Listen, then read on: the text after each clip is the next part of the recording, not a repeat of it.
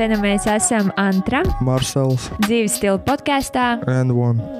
Sveiks, Envona klausītāji, tu esi pieslēdzies, un jā, mēs esam gatavi kopā ar jums Antra šeit un tagad. Kā jums klājas, kas notiek? Vai bez hokeja vēl kaut kas notiek? Kad es ierakstu šo prologu, ir notikusi hokeja spēle Latvija-Itālija, un jā, Latvija ir guvusi uzvaru ļoti aktīva spēle, aktīvi gājām uz vārtiem, varbūt ne līdz galam visu laiku, ja tā var teikt, bet ļoti saspringta un aktīva spēle, bet izdevās mums to izdarīt. Ar mums, es domāju, Latvijas komandai izdevās gūt uzvaru. Jau ceturtdien nākamā spēle šoreiz pret Ameriku. Interesanti, interesanti. Jā, kā jau es jautāju pirms tam, vai kaut kas bez hokeja šeit notiek. Protams, protams, viss notiek, viss uh, turpinās, nekas neapstājas. Arī podkāsts N1 nav aizmirsts par tevi. Mēs ceram, ka tu neesi aizmirsts par mums. Tad nu mēs esam podkāsts N1 ar jaunu epizodi.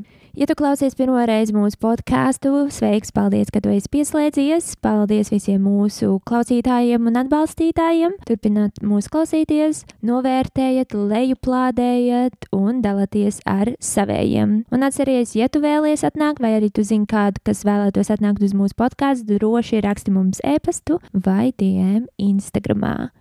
Tātad jā, pie mums viesojas stila un make-up eksperte Laura Valuta. Mēs runāsim par Lauras radošajām un profesionālajām gaitām, par eh, stilu un modi. Ļoti izzinoša epizode. 17. epizode kopā ar Lauru aiziet. Sveika, Laura! Paldies, ka tu piekriti piedalīties mūsu podkāstā. Kā tu jūties? tāds uh, nogurums, mazliet pavasarīgs lietas aiz logu, un tas tā kā mazliet viņa nospiež uz leju, bet kopumā labi, paldies. Darbīga diena tev šodien, vai vispār viss laiks tev ir darbīgs? Esmu darbīga, tad jau man, man patīk, ka viss ir tādā ritmā un darbīgi, un neesmu tāda uz vietas sēdētāja. Podkāstā nu man klausītāji pie mums šodien viesojas Laura. Varbūt esat kaut kur pamanījuši, kādos sociālos tīklos vai televīzijā. Jā, tu vari iepazīstināt sevi trijos vārdos. Trijos vārdos. Es esmu Laura es esmu vizuālā tēla stiliste. Visam īsumā, bet kopumā, jā, savā jomā strādāju skaistuma kopšana, make-up un viss uh, stils un tā jau 12 gadus. 10 gadus rakstu savu blogu, kurš no bloga, reāli kā agrāk bija blogi, no bloga lapas ir pārgājis, protams, Instagram formātā.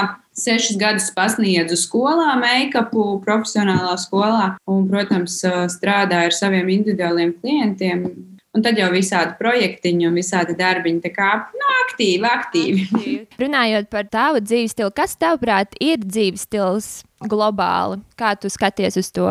Tas, kā mēs pavadām to savu brīvo laiku, kādas izvēles veicam, kas mums patīk, kam mēs pievēršam uzmanību, kā, kā guļam, kā ceļamies, kā ēdam, kā, kā domājam, kam pievēršam uzmanību. Jā.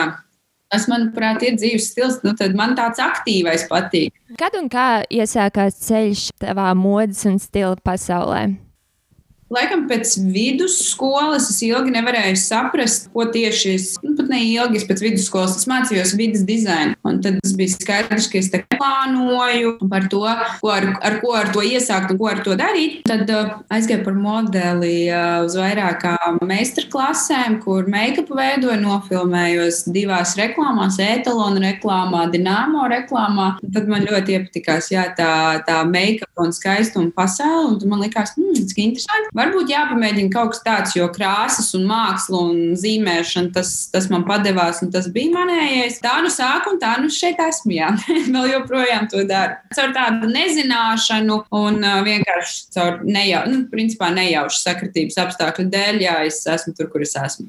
Jā, tu redzēji to otro pusi, un tev likās, jā, būtu interesanti arī pašai to uzsākt. Tā varbūt vairāk vai mazāk būtu tā, tas, kas tev patīk darīt. Vai tu zināji, ka tu arī varēsi ar to pelnīt, kurā brīdī tas notika? Laikam jau redzot to, ka cilvēki, tad, kad es gāju, es skatījos, ka cilvēki ar to pelna naudu, man jau bija skaidrs, ka tas nav gluži hobija pasākums, ka, tam, ka cilvēkam ir darbs un peļņas un ienākuma avots. Līdz ar to es pat nevienā brīdī nedomāju, ka, ja es kaut ko tādu apgūstu, ka, ka es ar to nevarēšu nopelnīt. Kāds ir lielākais tas sasniegums tavā profesionālajā gaitā? Visi jau ir sasniegumi. Vienmēr visur var augt un attīstīties, un skaidrs, ka kaut kādi tādi sasniegumi visi ir lieli, sevišķi, ja tie ir saistīti ar kaut kādu, piemēram, lielāku zīmolu vai lielāku sadarbības partneri. Tas viss jau ir katrs ir tāds wow, jauns, kaut kas novērtēts. Patiesībā arī sasniegumi ir tas, ka kaut vai Es strādāju šajā jomā 12 gadus, un manuprāt, tas ir sasniegums, ka nevienā brīdī nav bijis tāds, ah, nē, es nedaru kaut ko, kas tur. Uh, nu, neesmu izvēlējies pareizi, vai jūtos apjukus, ka ne, kaut, kaut kas varbūt jāmaina. Tā. Es neesmu skatījusies ne pa labi, ne pa kreisi. Laikam tā klientu un sadarbības partneru atsaucība visu laiku motivē darboties tālāk un norāda to, ka tu esi uz pareizā ceļa un dari kaut kādas pareizās lietas. Vēlējos jautāt, jā, kas ir tieši tas, kas tev iedvesmo motivēt? Varētu teikt, ka tas progress vai ne, ka tu redzi, jā, kaut kas notiek un tas tev arī motivē darboties tālāk. Jā, tiešām progress. Es, es pilnīgi tam simtprocentīgi redzu tādu arī to pašu kopsakrību, ka tad, kad kaut vai tās tie tā mazie notikumi, kaut kādi mazās, eh, mazie ķeksīši, kas sanāca, ka izdevās, kāds pajautāja vēl kaut ko, kādam tas ir vajadzīgs, tas uzreiz eh, kurbulē to motoriņu darboties un darīt un iet. Jā, protams, atsaucība, atzinība, jā, tas viss ļoti, ļoti, ļoti motivē. Pastāst par to laiku, kad tu blogoji, kā tas aizsākās, jā, un vai tas joprojām turpinās, jā, tā kā Instagramā.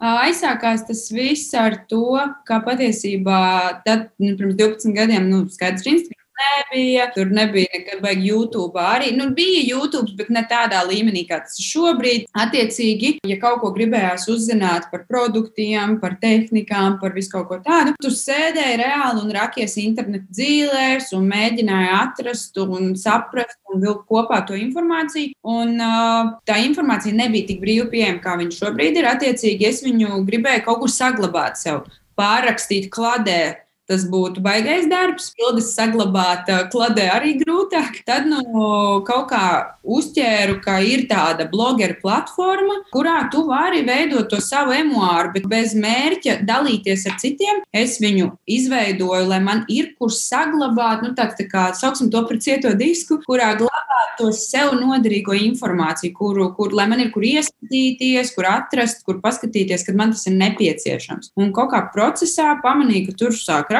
komentārus.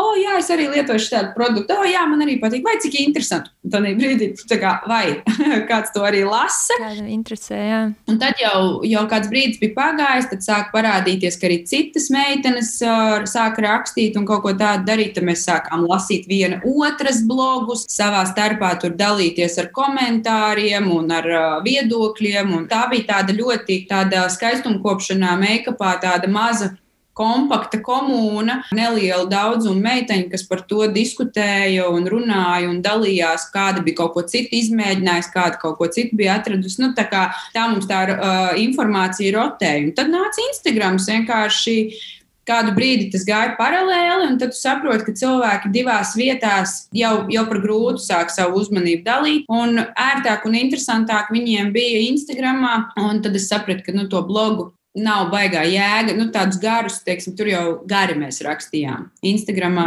notiek daudz īsāk, kompaktāk. Un nevienam vairs nebija laika tik daudz veltīt tādu garu rakstu lasīšanai. Visiem gribas ātri, ērti, īsi, kompakti. Pārgāju uz Instagram. Tas, tas turpinās tikai citā formātā. Man uzreiz, kad tu stāstīji par to, likās, jā, ka tu vēlēsies izveidot savu portfolio, varētu teikt, ka tev ir šeit, nu ir. Kas bija tas eh, nozīmīgākais atskaites punkts tavā karjeras sākumā? Šis bloks varētu būt? Nē, bloks galīgi nebija saistīts ne ar, kā, ar karjeru. Tas man nenesa ne klientus, ne, ne darba piedāvājumus. Klienti no produktu aprakstiem, no tā, kāds ir tonālais krēms, no tā nerodās. Klienti vairāk no taviem darbiem. Un es sākumā diezgan daudz sadarbojos ar fotogrāfiem, kuriem bija hobijs vai kaut kas tāds, darboties un bildēt. Es veidoju make-upus, ģērbu, mums taisījām bildes, dažādas bildes. Tur viens puisis bija no Spānijas. Viņš savus bildes sūtīja dažādiem spāņu modes un skaistuma žurnāliem. Nonāca arī tādos žurnālos šīs lapas, un tad jau varēja pēc tam no žurnāla pārpublicēt kaut ko. Un tad jau cilvēks sāk pamanīt, un, un plus vēl draugi kaut ko izmanto, tad pastāst. Nu, agrāk arī bija daudz, piemēram, savādāk, kā klienti atrada. Cilvēki meklē lietas SSA. Tagad visu meklē Instagram, Facebook, Google, Google SS un draugiem LV. Jā, nu, pilnīgi kaut kādā pilnīgi citā formātā. Tad bija visādas grupiņas, kurās tad bija, varēja atrast modeļus, varēja atrast meistarus, varēja atrast pakalpojumus. Nu, caur tādiem tika publicēts reklāmas, un tad audzēja. Kaut kādā brīdī man paņēma strādāt uz dažādām reklāmām, tas varētu būt bijis tas uh, atskaites punkts, kad sāka ar vien vairāk un vairāk man tas arī parādīties kā darbs, kā ienākumu, nu, tāds stabils ienākuma avots, dažādākās tele, LNT, tur Tele2, tur Dobels dzirnavnieks un tā tālāk un tā joprojām. Esmu strādājusi pie visādām Krievijas reklāmām, pie Vācijas, dažādu reklāmu filmēšanas Latvijā, bet tieši video materiāli, kā grimētāja asistenti, kā galvenā grimētāja. Kā, nu, tas bija tāds galvenais. Es vairāk esmu pa TV dzīvojusies vienmēr nekā pa fotosesijām un pa žurnālu vākiem. Tas man tuvāk sirdī bijis. Ir. Jā, burtiski tev pamanīja, un nu, ne jau no tā, ka tu tur esi un, un tad sēdi un neko nedari, bet no nu, ar tavu darbu un ar to savu jā, gribas spēku. Kā tu raksturotu savu stilu? Mans stils man ir eklektika. Es ļoti ģērbjos pēc noskaņojuma. Bet uh, skaidrs, ka ir tas savs stils, un, un, un es neesmu romantiska. Man ir neredzējis tur puķainās klētiņās, tas nav mans. Neesmu arī baigā sportiskā stila piekritēji. Man patīk ērti apavi, sporta apavi, bet es nekad uh, treniņu tērpā gluži sabiedriskās vietās, kas nav saistīts ar sporta pasākumiem, nedošu. Tas nav mans. Un uh, neesmu arī teiksim, kaut kādas elegances un klasikas piekritēji kostīmos, jo man darba vide nav saistīta. Es domāju, ka nu, eklektika ir tāpēc, ka māksliniecis kā vidējais darbojos, tad arī tas, tas stils ir tāds radošs un, un, un, un dažāds. Ko mode un stils tev nozīmē? Izpausmes līdzeklis, varētu tā teikt. Tas uh, vairāk, vairāk kā pašizpausmes līdzeklis, jā. Mm. Vai visiem vajag sekot līdzi modei, un kā atrast to vidusceļu? Jo nevar tikai tā, es vilkšu tikai to, tāpēc, ka tas ir modē, bet īsti tas nesasauc ar mani pašu, vai jā, kā atrast to balansu? Piemēram, kā ir tev pašam? Tev ir tāds savs izteikts stils. Jā, tagad jau ir gadu gaitā, ir tā kā izveidojies, jo, kā es skatos, kā es biju savos 20 gados, tieši sākumā, tad man liekas, ārprāts, ārprāts. Tad tagad tas ir uh, izveidojies tā pēc iespējas minimāli, un krāsiņas māciņas ir aizmirstas, un jā. Nu, re. Te laikam tu jau arī minēji ļoti precīzi, kā tas notiek. Jaunībā mēs ļoti sekojam līdzi modes tendencēm. Nav attīstījusies, manuprāt, mūsu paša personība. Tu vēl īsti neesi, nezini, kas tu esi, kas tev patīk, kāds tu vēlies būt. Tava personas jautnes ir vēl tik dažādas, tu vēl tā kā tausties un meklē. Attiecīgi, caur to parasti arī mēs varam saskatīt to stilu. Kamēr mēs paši skaidri nevaram noformulēt, kas mēs esam, mēs arī nevaram noformulēt savu stilu. Un tad, kad mēs jau sākam tomēr skaidri apzināties, kas mēs esam paši, kas mums patīk, iekš kā mēs jūtamies ērti, komfortabli un tāpat laikā arī skaisti, tad arī tas ir arī tas mūsu stils. Skaidrs, ka mēs varam sekot modes tendencēm, bet viņas, kā teikt, iekļaut caur savu to stilu. Var jau ģērbties minimālismā, ievērojot modes tendences tendences. Var ģērbties klasikā, ievērojot modes tendences. Vienkārši izvēloties aktuālas krāsas, materiālus, varbūt piegriezumus, bet noteikti, ja tagad pateiks, ka visiem ir jāsteigā tur caurspīdīgās drēbēs, nu nē, nu, tas nav jādara visiem, un tas, manuprāt, ir pat procentuāli lielākā daļa tajā nejutīsies komfortabli, nejutīsies skaisti un pievilcīgi. Tā jau, tas jau vairs nav forši. Kā iedrošināt cilvēkus būt pašiem, nebaidīties, kas viņi ir? Piemēram, jā, ka citreiz ir tāda aizsprieduma, ah, oh, man ir jau tagad, nezinu, 30 gadi, un es nevaru to vilkt. Forši, tu man tā patīk, šī laikam 30 gadnieku tēma šonadēļ. Instagramā es bez iekšām esmu. Man personīgi ir 34 gadi. Man par to nāk ļoti liels smieklus. Man, manuprāt, mēs ap 30 gadiem tikai sākam saprast, kas mēs normāli esam. Un uh, tieši uh, Indra Salceviča bija ielikusi savā Instagramā, ka viņa ir uzvilkusi viņa, nu, viņas auguma proporcijas. Viņa nav slaidākā meitene, bet uh, viņa ir proporcionāla. Viņa bija ielikusi ar tādu nu, īsu kleitu bildi un pajautājusi saviem sekotājiem, vai šī kleita viņai ir par īsu vai ir ok.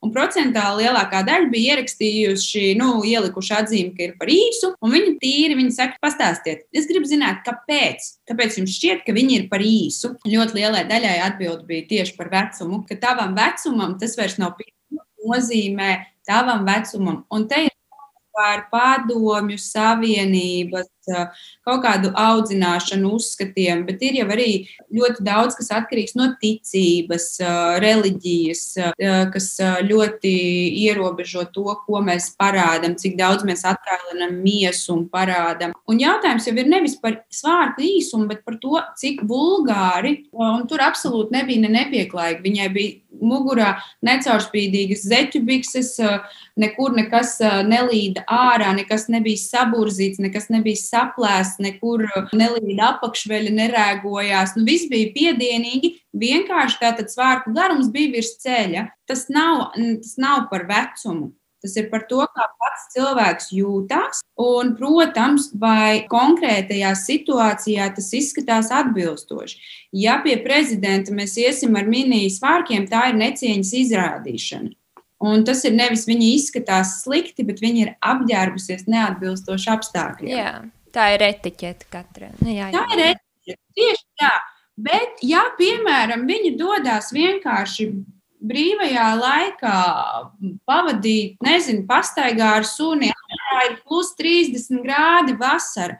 Un kāpēc viņai ir jānoģērbjas galvas līdz potītēm un jānosēdz. Nu, kā tu nosauļosies? Nu, vienkārši mums ir jābūt noteikti vienmēr tādiem uh, racionāli domājošiem, loģiski spriestspējīgiem par to, kurā situācijā, ko mēs varam atļauties vilkt. Lai mēs sevi neapkaunotu, lai mēs izskatītos atbilstoši situācijai un videi. Bet vecumam ar to patiesībā nav nekāda sakara. Protams, mēs varam arī kaut kur mazliet iziet uz to, kā, kā teikt, varbūt tā auguma aprises izskatās. Jā, nav tas pats gludākais vēders. Nu, nevajag gluži vilkt kropu topu, apspīlētas bikses, kas ievelk rīktīgi vēl vidukli, ka tev vēl tā āda, viņai nav kur palikt, viņa vēl veļās un gāžās pār tām biksēm. Skaidrs, ka tas nav neestētiski baudāmi, tas nekomplimentē ne auguma proporcijām, bet tā var būt arī 18-gadīgai meitenei nav sakara ar vecumu. Šajā sakarā bija tiešām ļoti forši, ka bija viena sieviete ielikusi, redzot šo apspriež, apspriesto jautājumu par to, ko vilkt, ko nevilkt. Nu, tur 30 gadu par īsu un tā. Viņa bija ielikusi savu bildi no kāda ceļojuma, cik es pēc fona sapratu, kur viņa ir skaistā krēkliņā bez rokām ar ļoti korektu dekoltē ar svārkiem, kas ir virs ceļa, viņai bija 50 gadi. Vai viņa izskatījās vulgāri, vai viņa izskatījās slikti, nepiedienīgi un kaut kā? Nē, tas viss mūsu kaut kādos audzināšanas aizspriedumos, kā mums uzskata. Un, um, ja tu pats jūties komfortabli un tev patīk, un tev ir skaistas kājas, un Kāpēc viņas ir jāslēp? Nu, kāpēc? Protams, ja mēs tur saku, dodamies uz kaut kādu vidi vai vietu, kur tomēr ir pieņemta kaut kāda etiķeta, mēs to respektējam un ģērbamies atbilstoši. Bet dodoties vasarā, pastaigā pa jūrmālu, nu, taču brauksi kostīmu ar augstpapēžu kurpēm. Tad visi arī ies un domās, nu tā nu gan atradusi vietu, kur uzvilkt šādu apģērbu. Ja? Jā, tas, tas vienkārši kā, kā nu mēs skatāmies. Un bieži vien arī šie aizspriedumi rodās no tā, ka cilvēks pats nav elastīgi domājošs un pats nevar kaut ko tādu atļauties, tāpēc viņam šķiet, ka arī cits tā nedrīkst darīt. Tas mm. viss kā mūsu galva, kā mēs domājam, kā mēs uzskatām, tas arī ļoti daudz ko ietekmē. Un ir atļauts eksperimentēt un skatīties, jā, vai tas sasaucās ar to iekšējo sajūtu arī ārā. Kā, jā, noteikti. Protams, tieši tā, jo dejotāji, kādi ir fitnes treneri, kādi ir mākslinieci, kāda ir uh, pavārs, kāda ir uh, juriste un, un, un kāda varbūt ir pedagogs, kāda, nu, attiecīgi, tā tava enturāža, tava, tas, kas tu esi pa dzīvi, protams, diktē mazliet tos noteikumus. Un bieži vien, jā, bet tu esi mamma. Mm -hmm. Mamma nav slimība, mamma nav uh, nekas, un mamma var būt jebkurā reproduktīvā vecumā, sākot jauniem gadiem līdz brīdim, kad viņa to vēl ir spējīga izdarīt. Un tas nenozīmē, ka tad, kad tev piedzimst bērns, mainās svārku garums, kuru tu vari atļauties vilkt. Ja tu jūties labi, ērti, komfortabli, tev apmierina savs augums un vispārējais, bet lūdzu, protams, saprāta robežās. Cilvēkiem mums taču ir kaut kāds skaidrs, ja tev tur tu pieliekties nevar, nu tad ir par īsu.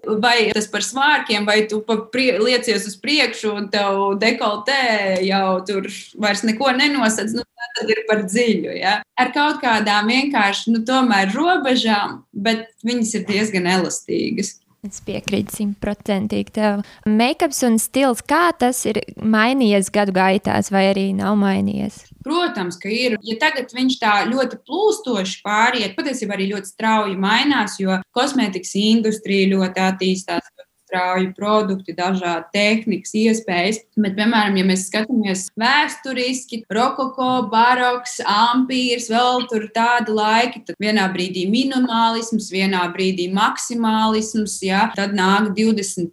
drāma, kara laiki, minimālisms, atkal ir ierobežojumi, nav produkti pieejami. Tātad sievietes tur izmantoja bietas make-upa vietā, vēl kaut kādas babolas berza, lai iegūtu kaut kādus toņus, ja, ogu ogli, acis krāso, nāk citi laiki, citi, citas iespējas, atkal paplašinās produktu pieejamība, tie kļūst arī naudiskā izteiksmē pieejamāk, sievietes atkal sāk daudz vairāk lietot kosmētiku. Tātad katriem tiem gadiem arī uh, to ietekmē uh, gan notikumu pasaulē, gan uh, arī es pieļauju iespēju, ka arī šo, šī brīža, piemēram, Covid daudz ko ietekmēs.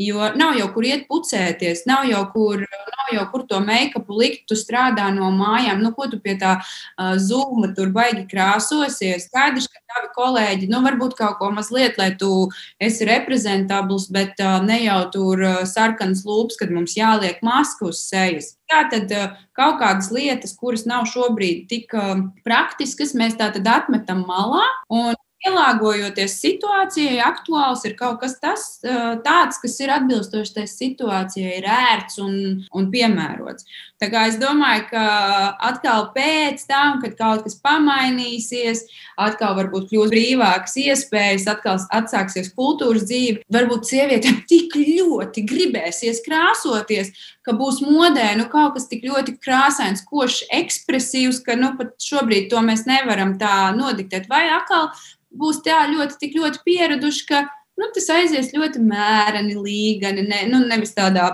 straujā lēcienā, bet mazliet tik daudz, kas ietekmē modi. Un, protams, arī kaut kādas, saku, visvairāk tehnoloģijas iespējas parādās pārstrādā plastmasu, audumus no tā taisa tur un, un vēl visu kaut ko. Un peldkostīmus tagad var nopirkt no pārstrādātām plastmasas pudelēm no sērijas. Kurš to pirms kaut kādiem desmit gadiem būtu domājis, ka kaut ko tādu varēs? Neviens. Kas būs pēc diviem, trim gadiem, mēs, mēs varam tikai fantazēt un idealizēt vai domāt par to, bet eh, mēs skaidri tāpat nevaram zināt, kā būs un kas būs. Manuprāt, jāķer, jābauda, kas patīk, to, to izmantojam, nepatīk. Ne nē. Kā tu skaties uz minimālismu? Tev patīk dzīvot minimālismā arī ikdienā? Protams, skaitās minimālisms. Lai nevienu, kā teikt, nav mērķis mani uh, aizskart kādu, bet varbūt tas vienkārši šādi var izklausīties, kā es to definēšu. Minimālisms ir savā ziņā ļoti izdevīgs. Tu vari ar mazu lietu skaitu dzīvot ērti. Nekas liekas, Tu vari apģērbties, tev ir kur gulēt, tev ir kur uh, nolikt mantas. Tev nevajag tur 10 somas, 15 dažādas glāzes mājās, vai katru reizi, kā tur uh, iznāk jauns telefons, mainīt telefonu. Funkcionē tev der, viss kārtībā, pilnīgi pietiek. Tātad. Un tas pats, tas ir savā veidā forši. Tātad tu uh, netērē, kā teikt, resursus tam, kam tev nav vajadzīgs, bez kā tu mierīgi vari dzīvot. Tāpat laikā ne jau visiem tas nepatīk. Un kādam citam, nu, man, man ļoti patīk somas, un es varu viņas pirkt, un pirkt, un pirkt, un pirkt. Un, un man viņas var stāvēt, un viņas ēst man neprasa, un es viņas, ja viņas izvēlās pietiekoši klasiska stila fasonu, viņas man kalpo 10 gadus, un 15 gadus, un, un, un te ir stāsts varbūt vairāk par kvalitāti. Jā. Kvantitāti. Jo mēs varam dzīvot ar kvalitatīvu, ar vienu somu, desmit gadus, Mēs varam dzīvot ar desmit somām, desmit gadus kvalitatīvi, bet mēs varam arī ar vienu nekvalitatīvu somu viņu mainīt ik pa pāris mēnešiem, jo viņi nodilst, nobružājās, izjūgs, aplīst. Nu, tad, tad tas ir mūsu kaut kādas izvēles. Tad minimālisms parasti ir tas, kur uh, mēs izvēlamies maz lietas, bet kvalitatīvas. Maksimālisms bieži vien atdurās pret to, ka mēs izvēlamies lētas, bet daudz lietas, Jo bieži vien vienkārši cilvēkiem nav tie brīvie resursi tik daudz. Ja cilvēks ir turīgs, viņš var arī izvēlēties būt maksimālists, bet visas lietas izvēlēties kvalitatīvas. Bieži vien tas ir atkarīgs arī no mūsu maciņa biezuma. Minimālisms šobrīd mazliet ir trendīga lieta. Jo, un minimālisms ne tikai apģērbā, ne tikai make-upā, bet arī Tas, kā mēs plānojam savus ēdienreizes, kā mēs iekārtojam savu māju, viss, viss, viss, vienmēr sakot, ka mēs varam principā dzīvot ar gandrīz neko. Jā, jā.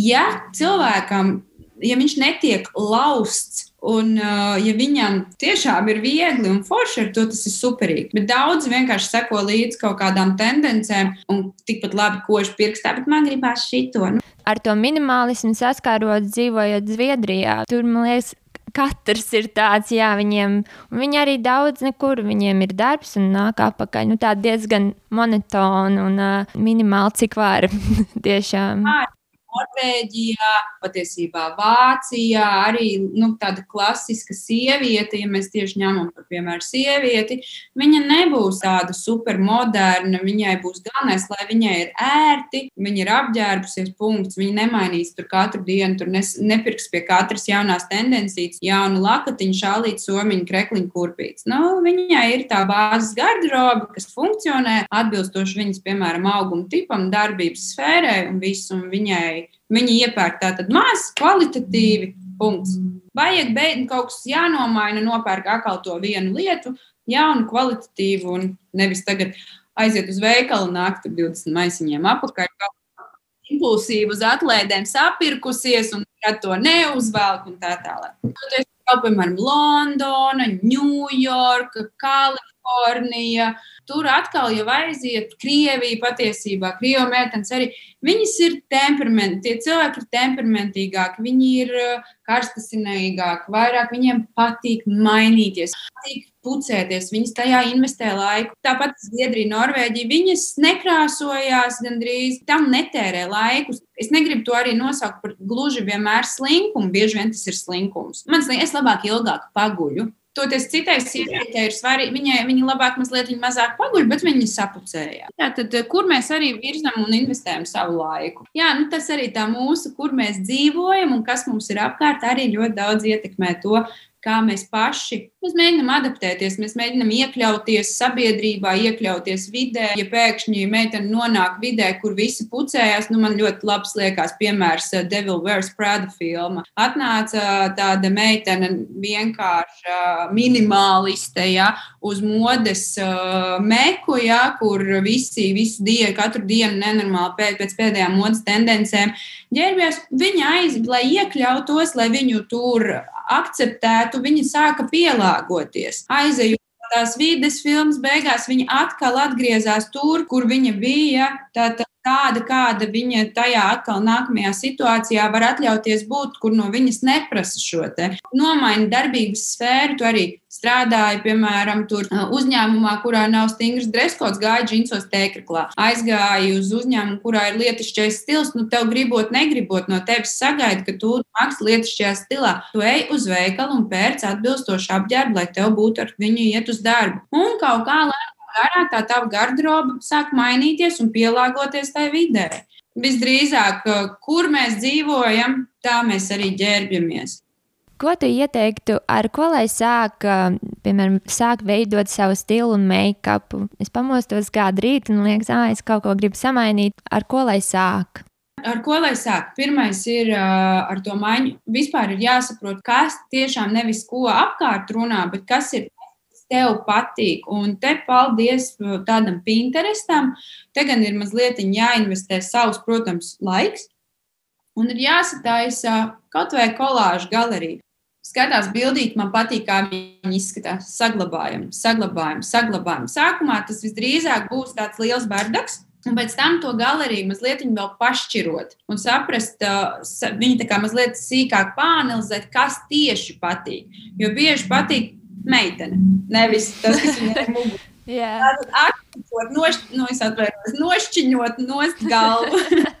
Eju, matus un tā tālāk, paskatoties tieši uz apģērbu, padomāt, saprast, kas tad ir tas, kas tajā apģērbā, kādi ir tie fasoni, kādai patiks krāsas, kādai patiks tieši vienkrāsains, ieturēt visu monochromu, tur visu bēšos, gaišos, pelēkos, melnos. Kādai patiks vienmēr, o, oh, viņi būs saglabājuši sev garās visas sēdes klēji, vai kāda būs saglabājusi visdažādākos tur uh, somas kaut kādas. Attiecīgi, tātad tas jau ir tas, kas tev patīk. Un uh, kamēr vēl pati nevar sieviete tā izvēlēties, tad var mēģināt glabāt tās lietiņas, kas patīk, un mēģināt veikalos vai online atrast kaut ko līdzīgu, kopēt.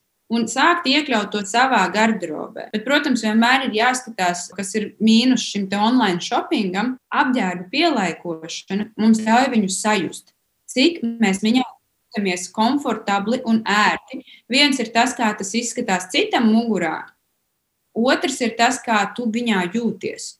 Un, ja tu viņā nejūties labi, viņš arī tev neizskatīsies labi. Ja tu visu laiku kaut ko domā, oh, īsu, pat zina, dekoltē par apspīlētu vai pa platu, man tagad maisa mugurā. Viņai smuki izskatījās. Viņai varbūt tev izskatās smuki, bet, ja tu domā, tur tāda sarāvusies, nezinu, kā tas ir, man liekas, man liekas, tad tas tieši tā arī izskatās. tā jau bieži vien meitenēm ir tāds teiciens, tu jau vari uzvilkt pat uh, maisu mugurā un tāpat labi izskatīsies. Arī tā var būt. Nav jau tā, ka visām, visām ja tu to maisu jūti, tad arī viņš uz tevis izskatās. Jā, kā tu nav... prezentē, kā tu iznes. Jā. Viņu mm. prezentē, un ja tu ej ar augsti paceltu galvu, aplikus vēl kaut kādu virvīti, ja vidu klīscēlus, vēl kaut ko izgriezus, tur kaut kādu caurumu, kur roku izlikt cauri, ja tam maisam. Hello, tas ir mans stils. Rekā, viņa ir maisā, bet labi viņa izskatās. Un otrs domā, es arī tā varētu. Viņš uzvelk virsū, bet viņš to maisu nejūt. Un tā arī viņš izskatās. Liekas, ko tas tur dara. Jā. Vienmēr ir tas sākums ir ļoti grūts ar to savu stilu atrašanu. Un varbūt tā, ka tev liekas, un tu bišķi, bet nē, nav. Nu, tad viss tad no tā tu skaidri vari atteikties, ņem ārā no savas garderobas, lietas projām, un tev nekad vairs par to nebūs jādomā. Nav tavs un viss. Un ar make-upu tur atkal ir, tad mēs ķer, ķermeni griežam nost un atstājam galvu un skatāmies, kas tad mums patīk. Kādai patīk vienmēr košas lūpas, kādai patīk, ka tur ir ļoti dabisks starojums un svaigs tas make-up, kādai patiks vienmēr, ka acis ir izceltas, kādai patiks, ka vienkārši ir daudz un izteiksmīgs un košs. Tas, kas tev patīk, tad tieši to arī sāc ieviest savā ikdienā, bet, protams, ja tev nav iemaņas, nu tad var atrast speciālistu, tādu mūsdienās netrūkst, pie kā aiziet individuāli un apgūt. Un pēc tam jau tas ir tikai treniņu un prakses jautājums, kad tu jau pati varēsi šviku, šviku ātri uzkrāsoties. Vai tev ir stila ikona?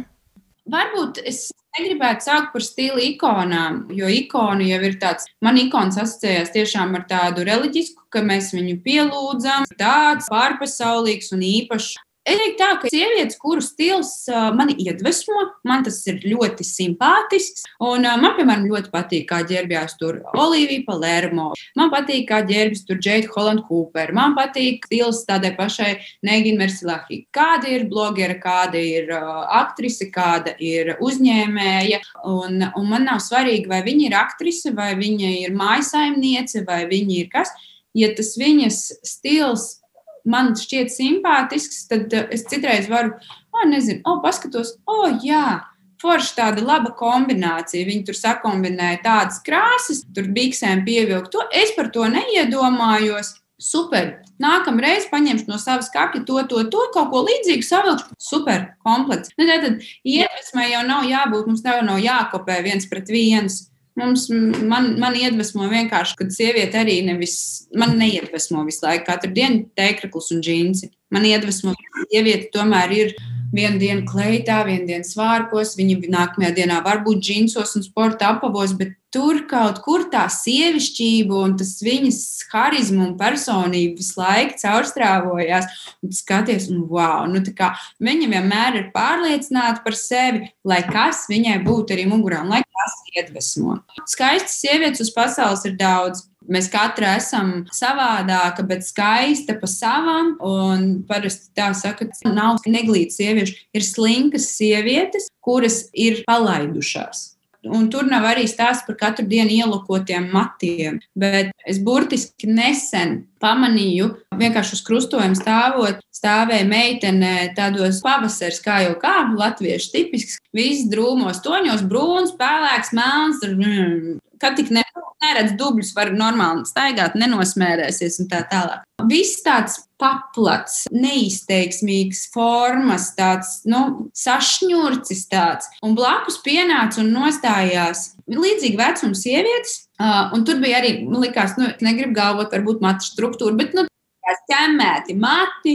Skaidrs, ka kā aug, tā aug, nav ne griezuma, ne krāsojuma, nekas. Nav make-ups, tīra ādenes, kropstuši, nekas. Tā tad ir pelēka tāda meitene, zeķubiks, kaut kāds kurpīts, viss tāds, un vēl stāv ar kuprīti. Ja? Nu, tāds neskatieties uz mani, un blakus stāvēja, nu, līdzīgi vecuma meitene.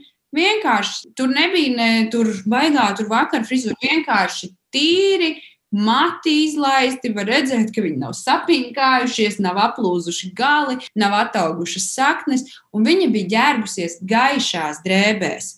Viņa izskatījās uz miljoni. Tur nekur nebija teikts, ka viņai bija mugurā dārgas drēbes. Ar taisnu muguru viņa bija viegli sev kaut ko tur uzkrāsojusi, un tajā brīdī Tai otrai metnē tikpat labi tas viss apģērbs varēja būt arī pats dārgākais. Bet ļoti daudz ko dara ar mums toņi, drūmi toņi mūs vecina, padara nogurušākus, neizteiksmīgākus, gaiši toņi padara vizuāli svaigākus, jauneklīgākus, gaišākus. Te arī ir jāskatās, ko, ir krāsu psiholoģijas, terapijas, viss kaut kas tāds. Vienkārši, ja viss arī izskatās nenoplucis, nenovazāts, tas arī daudz ko dod tajā izskatā. Un skaidrs, ka tā pelēkā meitene man galīgi neiedvesmoja, bet tā viņa man ne tikai priekš manis, bet viņi man iedvesmoja manam darbam ļoti labi un uzskatām. Es varu tagad ņemt, es zinu, ko meklēt, atrast materiālus, ko savām klientēm parādīt, kā mēs izskatāmies bieži vien, bet kā mēs varam izskatīties. Nav arī, nu, te mēs nerunājam par maciņu biezumu vai par pēdējām tendencēm. Vienkārši tas atkal kā sevi pasniedzam. Kāds stila modes pasākums tev ir izmainījis savu redzējumu uz lietām? stila un modes pasākums. Varbūt arī kurā tu esi piedalījusies pati.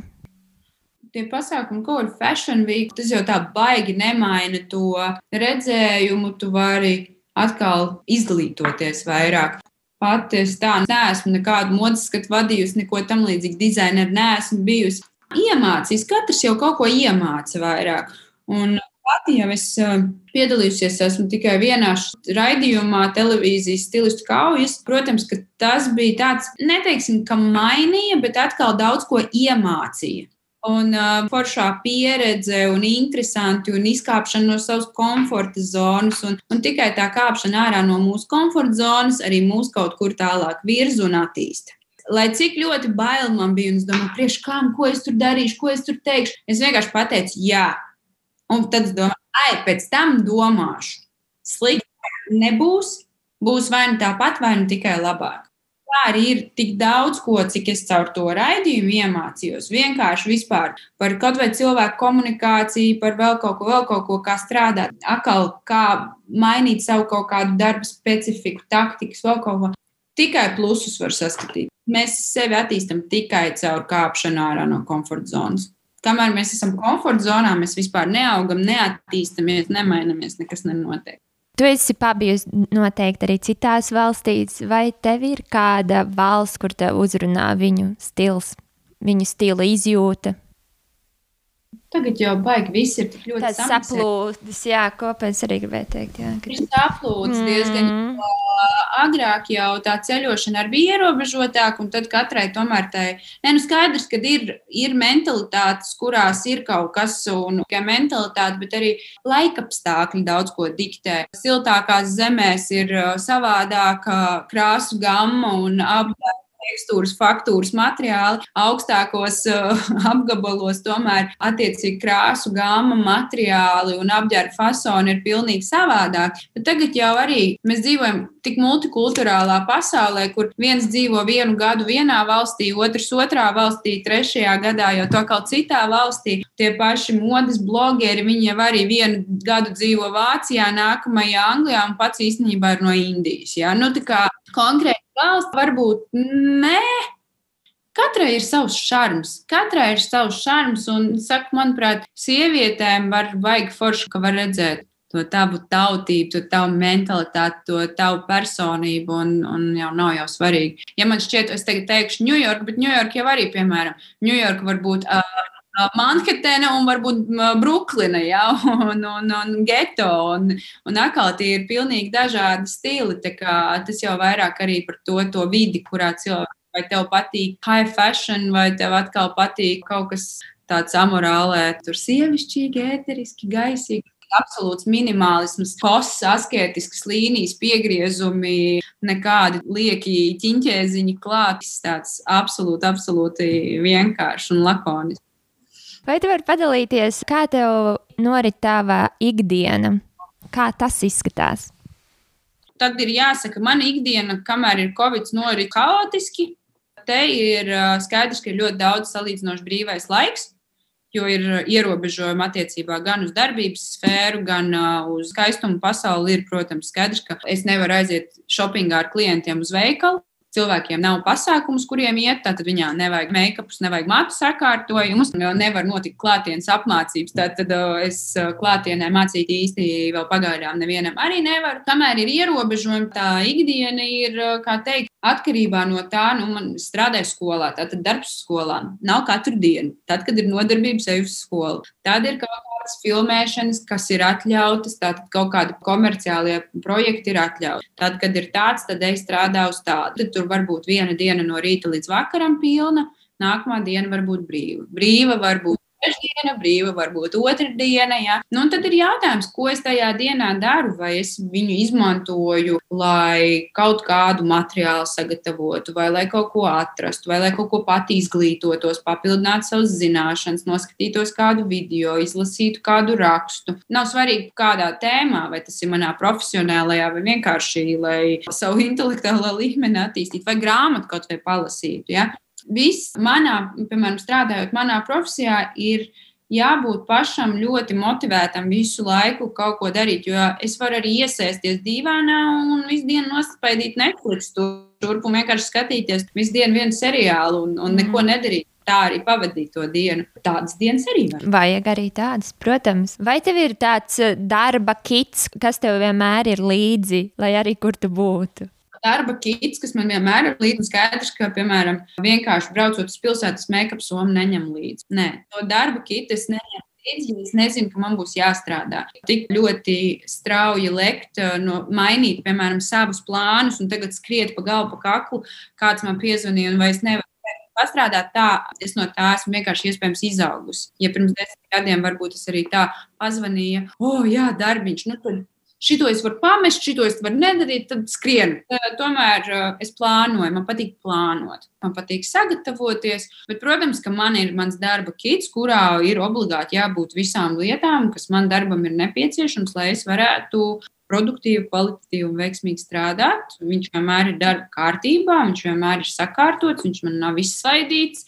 Visu atstāju tā, lai es pabeidzu darbu, es ne, neatstāju visu par roku galam, es visu sakārtoju tā, lai man nāk, tad, kad ir jāsāk vai jābrauc vai jādara, man viss ir kārtībā. Tā kā pabeidzu, nu tā kā paēdu, nomazgāju traukus.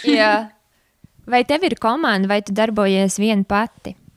Principā es darbojos viena pati, un uh, tas ir tas, kas, kā es jūtos uh, labi, jo man nepatīk, ka cilvēki kavē, man nepatīk, bet tas, tas nav tikai es pati kavēju, bet kavēt, teiksim tā, es nekavēju darbu nekad. Es varu nokavēt kīnā, es varu nokavēt vakariņas, es varu nokavēt uh, draudzeni, tikšanos ar draudzeni, bet tur, kur ir uh, iesaistīta samaksa, kas ir, manuprāt, veidot to atbildības sajūtu, to es, protams, nekavēju. Man arī nav nekad laikam līdz galam paticis uzņemties atbildību par citu cilvēku. Es varu atgalvot par to, ko es varu izdarīt. Es negribu uzņemties atbildību par to, vai cits cilvēks tur ieradīsies, vai izdarīs pietiekoši labi, vai viņš tur prasīs uzvesties un tā tālāk. Bet uh, ir jau bieži vien kaut kādi projekti un darbiņi, kad ir nepieciešami papildus spēki. Un tad ir, protams, savi cilvēki, kurus zina, kas, kas man apmierina viņu darbu stils, darba kvalitāte. Ar viņiem vienkārši mēs tiekamies uz kaut kādām vajadzīgajām reizēm. Jā. Kur tu atrodies tagad savā profesionālajā dzīves posmā, kā tu teiktu? Tādā drošā, ērtā vietā, laikam, jāsaka. Tad, kad darbi ir un ka es viņus varu jau, kā teikt, pietiekoši izvērtēt, vai man to vajag, vai, vai es varu atteikt, ka man nav jāķer viss, kas nāk, un vēl pietrūkst, bet ir, ir viss ir tādā labā balansā, tas ir par daudzumu Nu, nav tā, ka nekad jau dzīvē nebūs tā, ka tu esi sasniedzis visu. Ir jautājums, cik augstu tu mērķē. Šobrīd ir mazi izaicinājumi, uz kuriem lēnā garā es eju. Vienkārši taupot varbūt enerģiju un paralēli baudot dzīvi. Neveltot visu darbām, attīstības sasniegumiem. Bet jā, Visu laiku ir tas tāpatās, gribās vēl foršāk, vēl labāk, vēl kaut ko sasniegt, vēl kaut ko tādu, bet neizslēdzot brīvo laiku, neizslēdzot reālo dzīvi, atpūtu, piedzīvojumus un tādas lietas. Varbūt tu vari atklāt, kādi tev ir tuvākie projekti, un plus vēl, kur mēs vēl te varam atrast sociālajos mēdījos un vispārīgi. Ir kaut kādi projekti, kurus es nevaru atklāt, Skaidrs, ka ir konstanti visu laiku kaut kādi jauni projekti tajā pašā Instagramā, sadarbības jau tad ar vienu zīmolu, tad ar otru zīmolu. Ir jau trešais gads, manuprāt, es ar Oriflame sadarbojos. Viņiem ir kolosāls koncepts, ka viņi saviem tiem visiem menedžeriem piedāvā iespēju ik pa laikam apgūt make-up iemaņas un visādas tādas lietas par labiem, piemēram, pārdošanas rezultātiem. Tad mums tagad plānojās, vienmēr bija klātienē Mēs gaidījām, gaidījām jau februāri, janvāri, gaidījām, tas ir maijs, nu tad beidzot runājam. Desmit cilvēkiem zūmā. Viņiem tiek sagādāta katram dalībniekam kastīte ar visiem nepieciešamiem produktiem. Tad es ekrānu vienā pusē ar to pašu saturu izstāstu, parādu, kā, kā viņu izmantot. Apmācības tikai online. Tā, tā ir man tāda ilgtermiņa jau sadarbība ar Oriflame, kas man forši ir tām meitenēm. Tā ir, manuprāt, uzņēmuma tāda pievienotā vērtība, ko viņi dod savējiem. Tad, protams, es strādāju sesto gadu skolā. Tas ir tāds arī mans ieguldījums Tas ir vairāk tāds, nav, tā nav tāda baigā peļņas vieta. Kas tā ir pat skolu? Imīļa skola un stila. Tur mācās stilisti, frizieri, vizāžisti. Un es pasniedzu dekoratīvo kosmētiku vizāžistiem un stilistiem. Tieši make-upus varētu teorētiski pasniegt arī stila nodarbības, bet es tomēr visus šos gadus esmu apkopojusi krājus, materiālus un vispārējo, kas ir vairāk saistīti ar make-up lietām man viņām ir ko dot, ko rādīt un tā tālāk. Ja man tagad jāpieslēdzās stila lietām, tad man ir daudz ir jāstrādā pie materiāla sagatavošanas un tādām lietām. Un tad mans uzskats vienmēr ir tāds, ka tas cilvēks, kurā jomā viņš vairāk darbojas, tas viņam arī ir jāpasniedz. Jo, protams, ka es strādāju ar individuāliem klientiem, bet tā tad es ļoti labi varu novadīt konkrētas tēmas studentiem un iedot pieredzes un vispārējo, bet tagad viņām sākt stāstīt par uh, kaut kādu teātra specifiku, kā, kā teātrī jāģērb. Ir, ja es pat neesmu nereiz ģērbus teātrī, nu, tas, manuprāt, pasniedzējiem īsti nav. Tad ir Instagram, tad ir uh, pašai savi. Es, es gaidu, kad varēs klātienē tikties, un tad es atsākšu vadīt atkal savas uh, make-up nodarbības, kas ir meitenēm, kuras vēlas iemācīties krāsoties pašas priekš sevis. Tā kā tur es gaidu gan klātienē, online nav tas. Tad uh, sameklējam tevi Instagram. Jā, Instagram, YouTube man ir arī, kurā es lieku, bet uh, no Marta montēju video.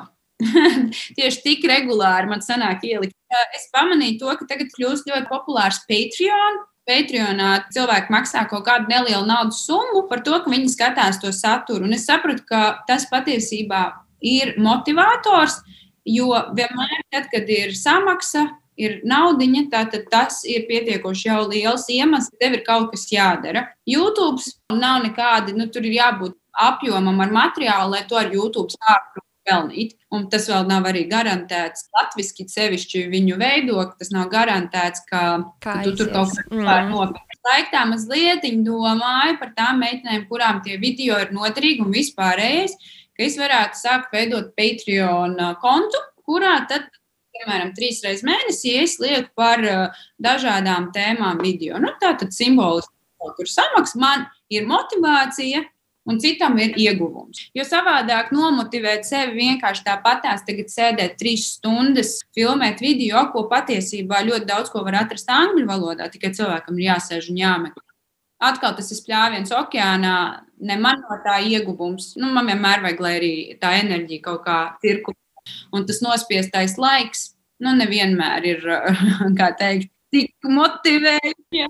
Jā, tas ir reāli. Jā, lielie jautājumi ir beigušies. Paldies par atklāto sarunu. Un, es pati daudz ko uzzināju, un bija interesanti. Un paldies, tev, Laura. Bet vēl es tev nelaidīšu. Mums ir tā otrā puse, tāda nenopietna, nopietnie jautājumi, kur tu ilgi tev nevajadzētu domāt un atbildēt, ko tu domā par to. Tātad mm. pirmais ir, ar kādiem žurnāliem tu esi uzaugusi?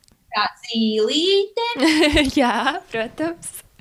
Īrups, laba, kosmopolitāns. Skaidrs, jā. Burdu tu biji šķirstījusi kādreiz. Nē, man likās, mamma viņu skatījās, tad nē, tā kā man. jā. Cikos tu parasti celies? Astoņos. Kur modas pilsēta tev ir vistuvākā? Milāna. Kādas pēdiņās veci cilvēku lietas tu dari? Tomātus. Somiņu vietā pērku putekļu sūcēju. jā. Tas laikam būtu, jā, kas jaunībā likās, kas nebija aktuāli, tad tagad, jā, vairāk sāka investēt arī tur mēbelēs un tādās lietās. Ja pirms tam interesēja, jā, tur tikai kosmētika, mode, vēl kaut kas, tad tagad jau tādas ģimeniskākas, saimnieciskākas, tādas kaut kādas lietas. Tās varētu būt veco cilvēku lietas. Un uh, es nezinu, cik mūsdienās ir moderni. Agrāk nebija vispār galīgi stilīgi lasīt grāmatas. Es ļoti daudz lasīju grāmatas sākus. Kā bija 25 gados, un kā ir pēc 30, es daudz vairāk lasu grāmatas. Mm. Un tagad uh, nākamais jautājums nedaudz sasaucās ar šo. Ko tu domāji, ka ir forši darīt, uh, kad tu biji jaunāka, bet tagad tas vairs nešķiet tik forši? Pīpēt. Cīņu vecumā kaut kas tāds.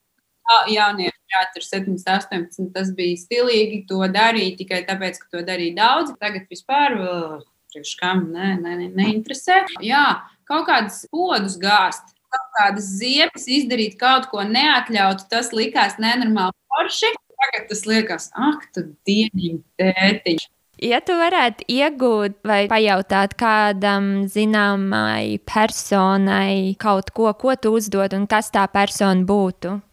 Man ļoti vienmēr ir fascinējuši ietekmīgi cilvēki. Cilvēki, kas principā nevis caur savu kaut kādu jau dzimtas cilvēku iespējām ir tur, kur viņi ir, bet kad no nekā nonākuši kaut kur. Vienmēr ir ļoti interesanti uzzināt viņu dzīves filozofiju, viņu principus, uzskatus. Tāpēc ir forši lasīt arī visas tās grāmatas, kur cilvēki, nu, tie biogrāfiskie, kā nonākuši tur, kur viņi ir nonākuši ko viņi ēd, cikos viņi ceļās, kā viņi strādā, vai kam viņi investē laiku, vai kam viņi tic vai netic, un tā tālāk. Tas laikam vienmēr ir šķitis interesanti tikai tāpēc, ka man patīk pašai, man gribās, no es esmu sasniegumiem uz attīstību tendēts cilvēks, un tad, protams, ja ir kāds padomiņš, kuru var izmantot, kāpēc ne?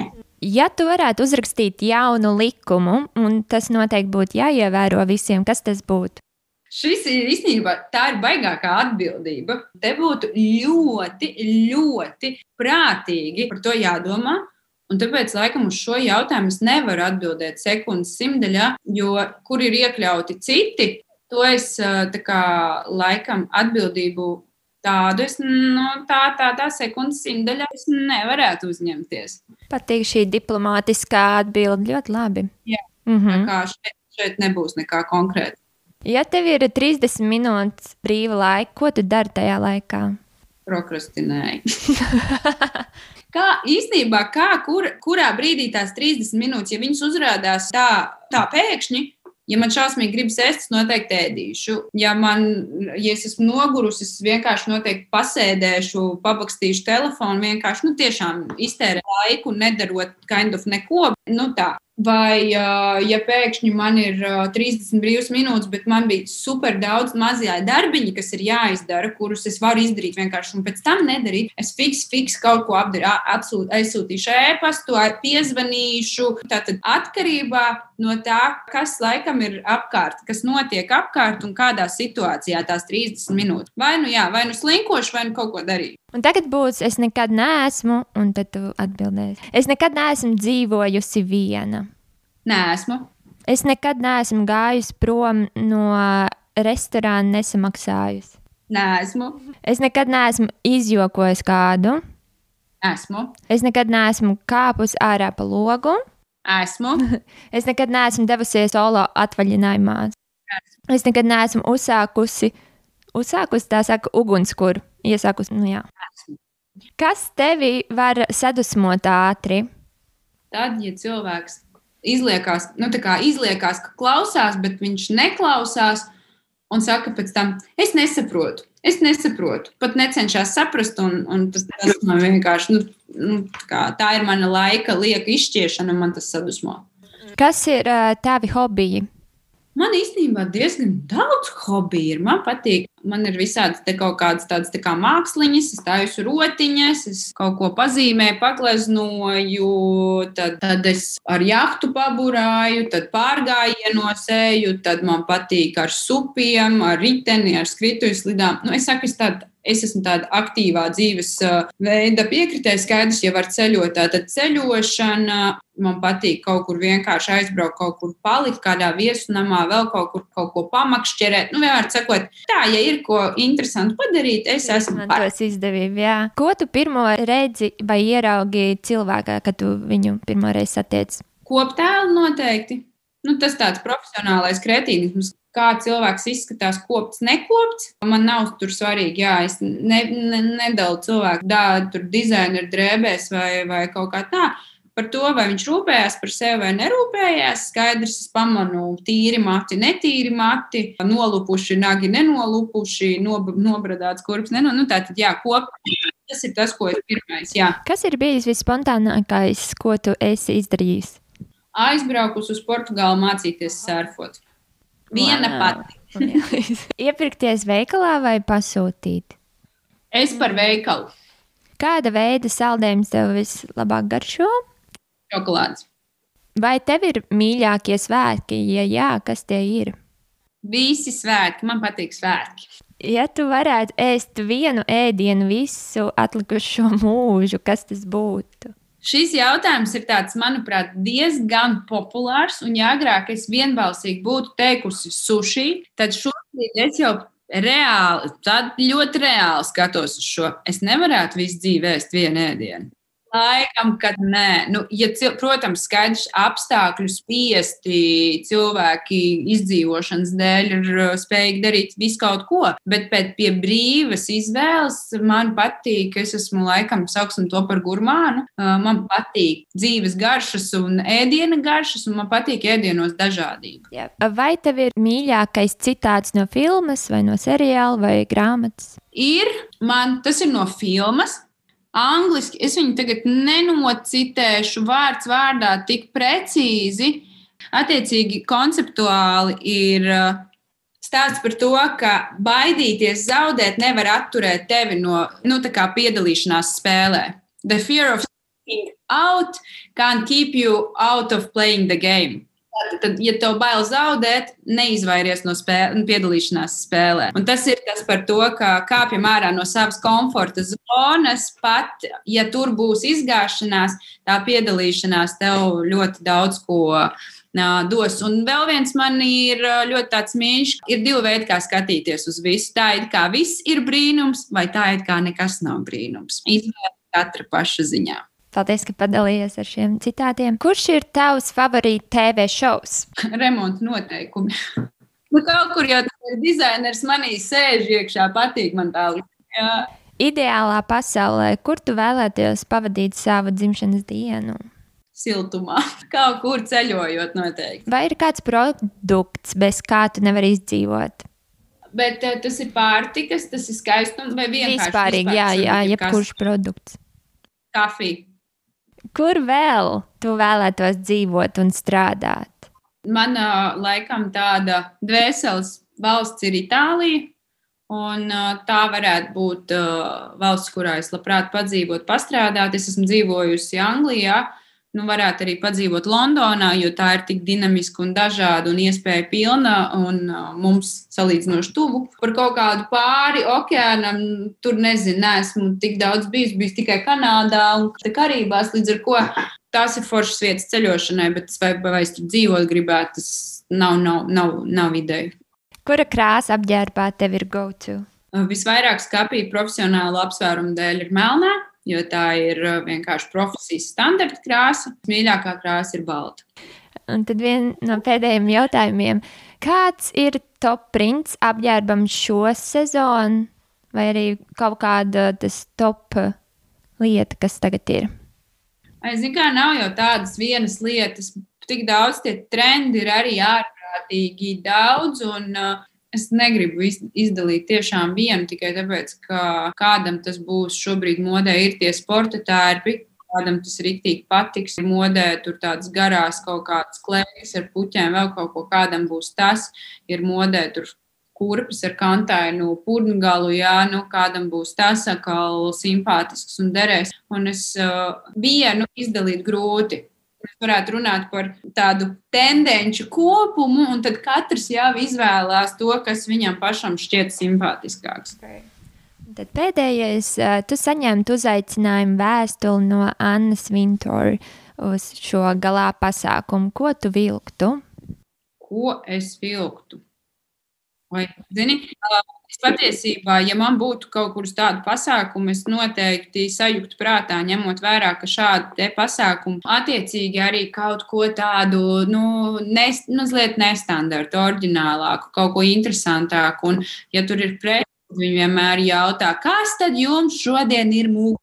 Varu, es, es varētu aiziet zārā, bet tīri šo zināmā veidā jau to sistēmu zinot, skaidrs, ka tā būtu lieliski iespēja izcelt kādu mākslinieku, kādu dizaineru, un tādā brīdī skatītos, kas mums Latvijā vai no jaunajiem talantiem vai vēl kaut ko ir radījis, kaut ko tādu, kas saskana ar manu stilu un dzīves filozofiju, un kuru es gribētu ar lielāko prieku parādīt plašākai auditorijai. Tātad tas būtu kaut kas māksliniecisks, radošs, kreatīvs, bet manā stilā noteikti no Latvijas Latvijas uh, talantiem kaut kas. Jā, lieliski. Liels, liels, liels paldies par šo sarunu, par atvēlēto laiku vēlreiz. Forši, forši. Nu, interesanti jau ir pastāstīt, padalīties ar to, kas ir piedzīvots, kas ir sadarīts un, un tā. Skaidrs, ka jau varētu šeit runāt par daudz un dažādām visādām lietām. Skaidrs, ka mēs vairāk šoreiz parunājām tīri no manas skatu punkta, bet, protams, ka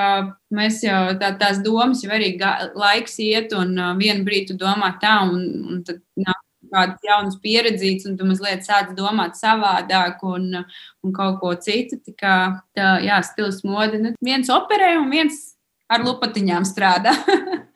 Jā, paldies tev, lai tev darbīga un produktīva vēl turpmākā diena.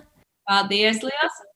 Forši bija paldies, ka, ka piedāvāja papļāpāt un uh, tiem, kas klausās, uh, ceru, ka bija interesanti un forši. Un, uh, jā, nu kas, jā. Sociālajos, jā, sameklējam. Laura Valu tikai ir apakšsvītriņš starp vārdu uzvārdu, ir uh, Instagramā. Un, principā, pa lielam, ja googlē manu vārdu uzvārdu, atrod visus Facebookus, YouTube, Twitterus, TikTokus un ko tik vēl nē. Tā kā, jā, nu, vārds uzvārds tā ir savā veidā, protams, tik ilgu laiku jau sava veida firmas zīme. Un, jā, tad visos profilos, visos kontos es turu vienu un to pašu. Un, un nesaucos tur kaut kā savādāk. Jo, ja cilvēks zina, ko viņš vēlas atrast, viņš arī var atrast. Jā. Lieliski. Tā kā forši, paldies, paldies. paldies, paldies. Lai izdosies, atā. Nu, tā nu mēs esam pietuvušies šīs epizodes izskaņai. Lielas jums paldies par pieslēgšanos un, protams, arī klausīšanos. Mēs ceram, ka jums patika. Turpiniet klausīties arī turpmāk mūsu podkāstu And One. Lūdzam, lejuplādēt un novērtēt epizodi Spotify, Apple vai jebkurā citā platformā, kur jūs dzirdat podkāstu And One. Protams, sekojiet mums arī sociālajos tīklos, kā Instagram un Twitter ar nosaukumu And One viens podkāsts. Sūtiet mums ziņas, jautājumus un ieteikumus uz e-pasta podkāstu.and1 at gmail.com. Ja tu vēlies atnākt uz mūsu podkāstu, vai arī tu zini kādu, kas vēlētos te būt, tad droši sūtiet mums ieteikumus, un mēs ar tevi sazināsimies. Paldies! Tie esam mēs podkāstā N1, Antra un Maršals. Mēs izraksimies! Tā!